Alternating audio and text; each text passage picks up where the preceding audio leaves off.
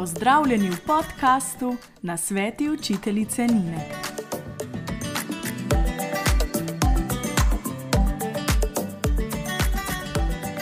Hej, pozdravljeni! Gostja osme epizode podcasta na sveti učiteljice Nine je Brigita, psihoterapeutka, ki s svojim terapevtskim delom pomaga mladostnikom, pomaga pri težavah v družinah, partnerstvu, žalovanju in drugih stiskah, ki se pojavljajo v življenju. Sama svoje delo opiše tako: Živeti življenje v popolnosti me je vedno navdihovalo, zato je bila izbira poklica lahka. Psihoterapevtsko delo opravljam v svoji terapevtski praksi v Ljubljani pod stalnim supervizitorstvom. Pri svojem delu me vodi predvsem želja, da bi ljudem pomagala, da se v življenju počutijo izpolnjene, srečne in opolnomočene. Rada imam svoje delo in močno verjamem, da lahko terapija prinese izboljšanje in pozitivne spremembe v življenje ljudi. Brigito sem srečala preko Instagrama, povezala pa nam je tema o nasilju nad otroki. Prav o tem pa bo Brigita danes spregovorila tudi v tej epizodi.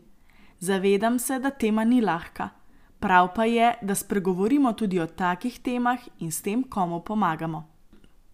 V opisu epizode najdete tudi link, ki vas popelje do moje spletne strani. Tam najdete linke o knjigah, ki jih je priporočila naša gostja Brigita, in druge uporabne linke. Želim vam prijetno poslušanje. Brigita, dobrodošla. Najprej se vam moram zahvaliti za tako kvalitetne vsebine na Instagramu. Vaš profil je eden izmed tistih, za katere si je potrebno vzeti čas, poslušati, vendar na koncu si vedno poln novega znanja in poln novih razmišljanj. Povejte mi, kako ste kaj? Uh, v bistvu najprej bi se vam res želela zahvaliti za povabilo. Um, hkrati uh, bi se vam pa tudi želela zahvaliti v bistvu za en tak pogum, um, ko bomo danes o takih malce težjih temah spregovorili.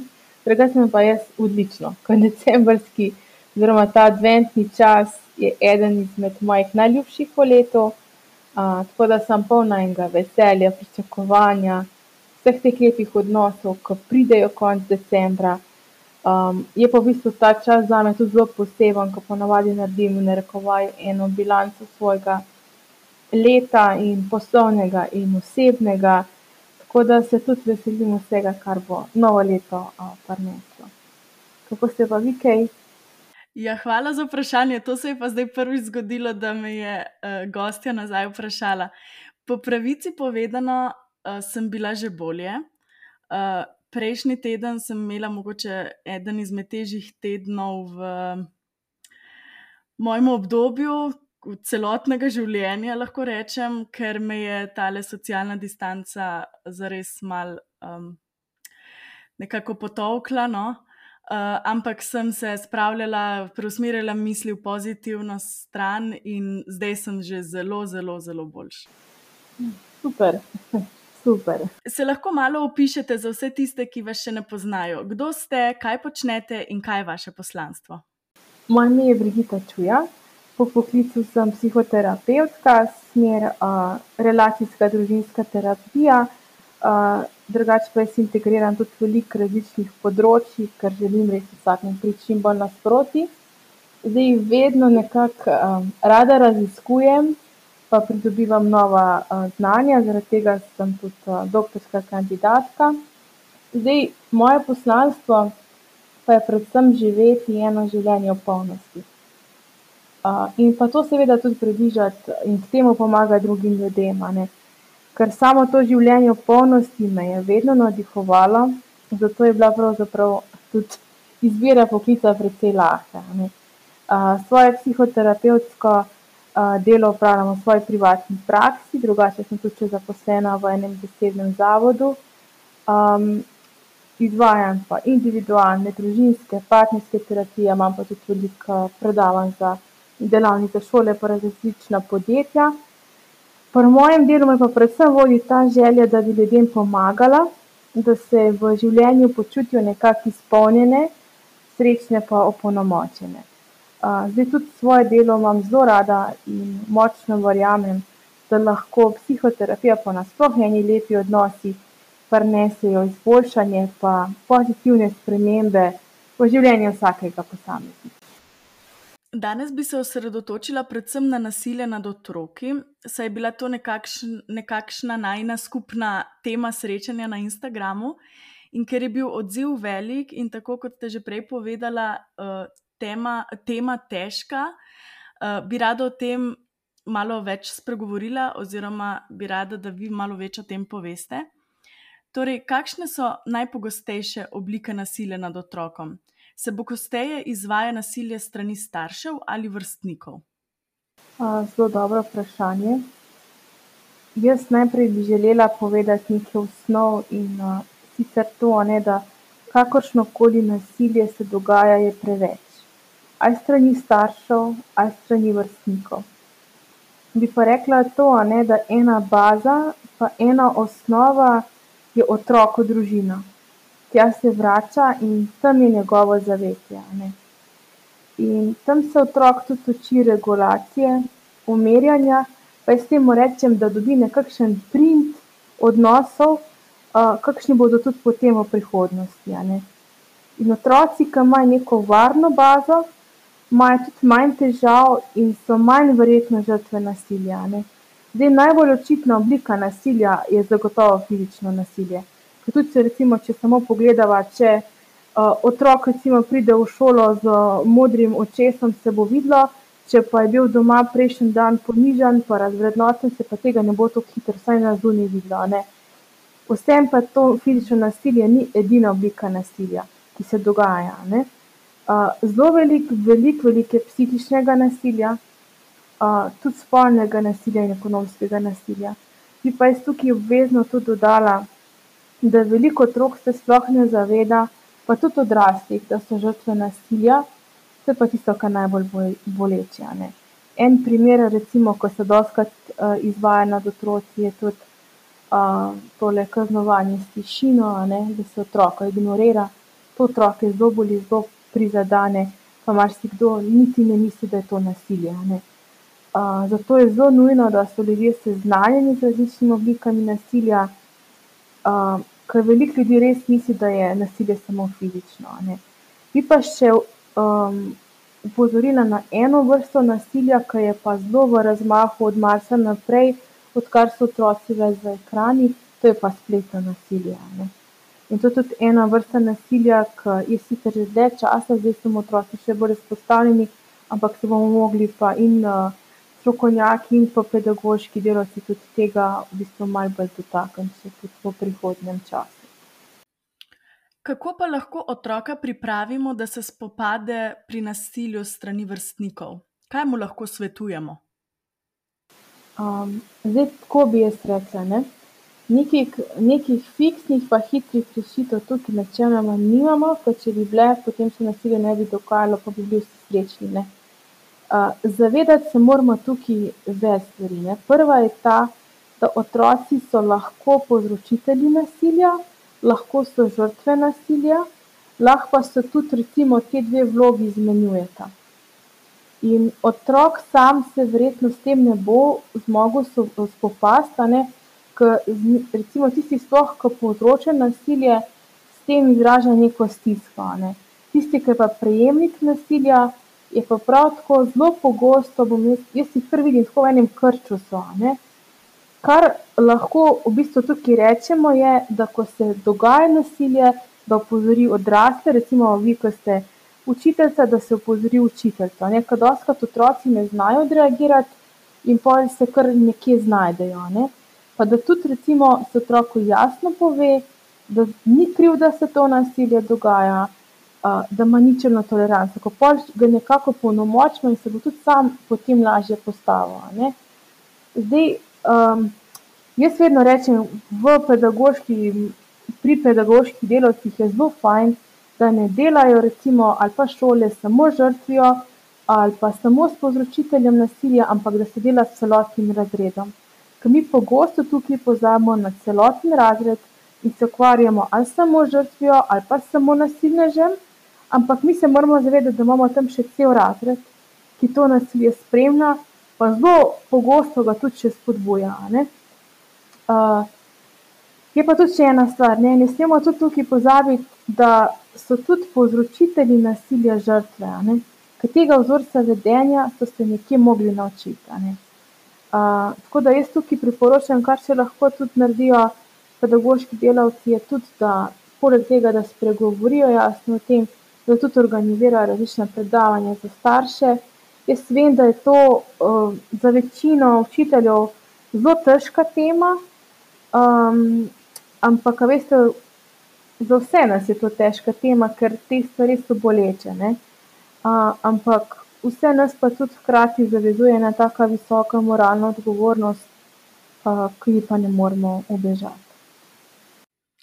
Ja, zelo dobro se mi je zdelo to, kar ste izpostavili, da je treba zajeti pri pogovoru celoten razred. Uh, to je bilo pri meni veliko časa dvom in sem preizkušala, in v bistvu nisem našla neke prave rešitve. In uh, sem čez čas, um, poleg pogovora z obema, z žrtvijo in povzročiteljem, sem vedno prenesla, mogoče preko neke druge zgodbe, podobno zgodbo tudi v celoten razred in smo se o tem pogovarjali. In potem sem ugotovila, da v bistvu um, ni v razredu samo ena žrtev, ampak jih je več, ampak se ne izpostavijo, oziroma ne pride do tega um, prenosa podatkov name. In je res dobro, da se te stvari govori na glas, predvsem uh, s celotnim razredom in se tako komunicira. Tako da hvala za to potrditev. No. Um, kako pa prepiri in nasilje uh, par nad partnerjema delujejo na otroka? Je tudi to ena vrsta nasilja?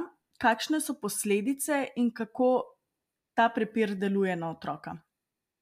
Um, ja, zelo dobro, res vprašanje.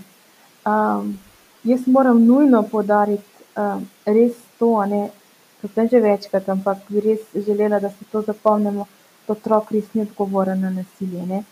Ker veliko otrok si ustvari neko predstavo, če bi bili bolj pridni, če bi naredili domačo nalogo, če bi recimo odnesli smeti, če bi ne vem kaj vse naredili, da potem nasilja ne bi bilo. Ne. In otroci, jaz vedno rečem, si nasilje opravičujejo po otroško in si pogosto avtomatsko mislijo, da so oni krivi. In to nikakor ni res. Ne? To je samo nek mehanizem, ki otrokom omogoča, da v bistvu ohranijo starše v pozitivni luči, krivdo pa prevzamejo na sebe. Tako da, in tole je res vprašanje, kar ste rekli, um, ali je v bistvu ena vrsta nasilja, tudi če je priča um, prepirom med partnerjem. Seveda, ne. to, da je otrok priča nasilju med staršema, je ena izmed oblik nasilja in to tudi v bistvu pravi slovenska zakonodaja. In tukaj res ne smemo pozabiti, da je že samo izpostavljenost otroka nasilju kritično lahko za njegov nadaljni razvoj. Zdaj, posledice prepirov med staršami jih je zelo veliko, jaz se jih bom nekaj dotaknila. Uh, tista, v bistvu, ki je najbolj glavna, pa ki si jo najbolj ne bi želeli, je to, da to nefunkcionalno vzdušje otrokom postaja vedno bolj domače. To zdaj pomeni, da v bistvu otroci počasi, ampak zelo zanesljivo ponotranjajo vzorce vedenja. In ne in smemo tukaj zanemariti, da v bistvu, če pogledamo ne otroke, tudi tiste učiteljice, to še bolj vidite da v bistvu otroci se učijo s posnemanjem in tudi doma se učijo, če je doma prepir, se oni tega učijo. Ne? In na takšen način v bistvu se otroci tudi učijo, nažalost, kako ravnati v določenih situacijah, kako v bistvu regulirajo ali pa ne regulirajo svoje čutenja, kako recimo bruhajo v njezo na bližnje ali pa na neto bližnje osebe. Uh, predvsem pa tisto, kar je v bistvu najbolj boleče, je pa to, da nažalost se jih potem veliko nezavestno odloči uh, za neke nasilne odnose uh, v prihodnosti. Ne. To seveda vse na nezavednem uh, nivoju poteka, bom še res enkrat podarila, uh, da ljudi take vzdušje privlači, ker jim je to domače. Uh, predvsem pa se mi zdi, da se tukaj res ne vede učijo, da se situacija rešuje in potlači z nasiljem, ker jim je to edini, hkrati pa najbližji vzor, ki ga vse čas ponotranjajo. Zdaj, kar želim jaz povedati, je to, da otroci nekako v nasilnih družinah dobijo napačno sporočilo o odnosih. In nekateri zdaj se nasilja sicer na daleč izognejo iz nasilnih družin, ampak na žalost je pa večina tistih, ki v odrasli dobi podoživlja neko vrsto nasilja. Zdaj, ali v partnerskem odnosu, ali v službi kot mobbing, ali s prijatelji neke vrste nasilja. Skratka, neko nasilje se preigrava. Zdaj, seveda, ti medgeneracijski prenosi nasilja se lahko prekinejo, ampak je potrebno zelo veliko enega dela na sebi, dela na odnosih. Predvsem je pa tukaj tudi pomembna vloga starša, ki recimo ni nasilen. Zdaj, med glavne posledice spadajo učne težave ali pa druge težave v šoli, lahko tudi recimo pride do sprememb v čustvovanju, lahko zelo bruha jeza ven, lahko so zelo tihi, lahko pride do vedenjskih težav, recimo da v šoli imajo kakšno tako vedenje, ki ni sprejemljivo, lahko pride tudi do zdravstvenih težav, lahko pride do drugih psihosomatskih težav. pri marsikomu jaz tudi opažam, da se začne bolj pogosteje pojavljati anksioznost ali pa depresija. Bi pa v bistvu še to povedala, ne, da, pri nasilju dlje časa trajajoče je pa bolj pogosto, je pa bolj brutalno, je večje so posledice. Zdaj, če imamo tam neke hipersenzitivne otroke, je lahko seveda drugače, ampak kar želim jaz povedati, to je to, ne, da na žalost ima nasilje zelo, zelo veliko posledic, jaz sem jih pa samo nekaj izpostavila. Priporočate kakšno knjigo o nasilju za otroke in za odrasle? zdaj, ena knjiga, knjig je zelo, zelo, zelo veliko, a ne. zdaj, ena knjiga, ke tudi nasilja je zelo veliko in, a ne, ena knjiga, ke je zelo, zelo, zelo fajn, in sicer je bolj za odrasle, je Zakaj to počne. To res srčno priporočam in strokovnjakom in, tudi staršem je ena taka knjiga, no. Za otroke je pa trenutno, zdajle se nobene ne spomnim, ampak jih je zelo veliko, ampak ta Zakaj to počne je pa res krasna knjiga. super, lahko mogoče, kasneje pošljete spisek, pa ga bom vseeno objavila na, Bom, bom, poslala spisek vam knjig različnih. Superca, hvala. Za konec pa še moje najljubše vprašanje. Kakšni so vaši cilji in kakšne so vaše sanje? Kaj si želite v prihodnosti? To je pa zelo zanimivo vprašanje. zdaj, v življenju me vodi predvsem to res, da sledim svojemu poslanstvu, ker če ga, če mu sledim, ne, potem sem lahko tudi dobra pri svojem delu. Zdaj, moje poslanstvo, kot sem že prej rekla, je to živeti, življenje v polnosti, predvsem pa tudi, da, res delam z visoko mero strokovnosti, etičnosti, profesionalnosti na področju, ki me veseli. In zdaj, če to izpolnim, lahko potem tudi drugim pomagam, da lažje živijo svoje poslanstvo v polnosti. Zagotovo je eden izmed ciljev tudi ta, da čim prej dokončam doktorat. Prav tako me tudi izredno veseli sodelovanje z z različnimi strokovnjaki, zato sem se tudi, tako rekla, z veseljem in takoj odzvala, temu povabilu na vaš podcast. zdaj, en izmed mojih, bom rekla, večjih ciljev je pa ta, da v slovenski družbi še naprej nekako razblinjam tabuje glede duševnega zdravja in skrbi zanj, ke se mi zdi, da so zelo, zelo močno prisotni. tudi, da še naprej spregovorim o ranljivih tematikah, ki se na žalost dotikajo večine ljudi. Nekako tudi vidim, da se ljudje tako dobro odzovejo na moje vsebine, ke nekako čutijo, da tisto, kar povem, da drži in da je pomembno in, in da se premalo o tem govori. Tako da to ledino želim še naprej nekako orati. bi pa si res iskreno želela, da bi bila skrb nekako na duševnem področju manj stigmatizirana. Tako kot recimo nas boli roka ali pa noga pa obiščemo zdravnika, bi si tudi želela, da bi bilo manj stigmatizirano, če imamo pa recimo težave v odnosih ali kakšne stiske, da nas tega ni sram priznati pa da tudi ni sramotno, da poiščemo pomoč, ker to v prvi vrsti je ena ena vrsta skrbi zase. Brigita, najlepša hvala za pogovor. Bilo mi je res veselje. Ste zelo prijetna sogovornica z obilo znanja in izkušenj. Hvala. Hvala tudi vam. Lepo bodite, adijo. Adijo. Brigita, še enkrat hvala za pogovor. Prepričana sem, da bova na tem podkastu še kdaj odprli kakšno temo in o njej spregovorili. Poslušalka, poslušalec, povabim te, da se prijaviš na podcast in si tako na tekočem z naslednjimi epizodami. S prijavo pomagaš tudi pri prepoznavnosti tega podcasta, s tem pa pritegneš še ostale ljudi, ki jih zanimajo podobne teme. Vesela bom tudi vsakega komentarja in všečka. Želim vam čudovit preostanek dneva.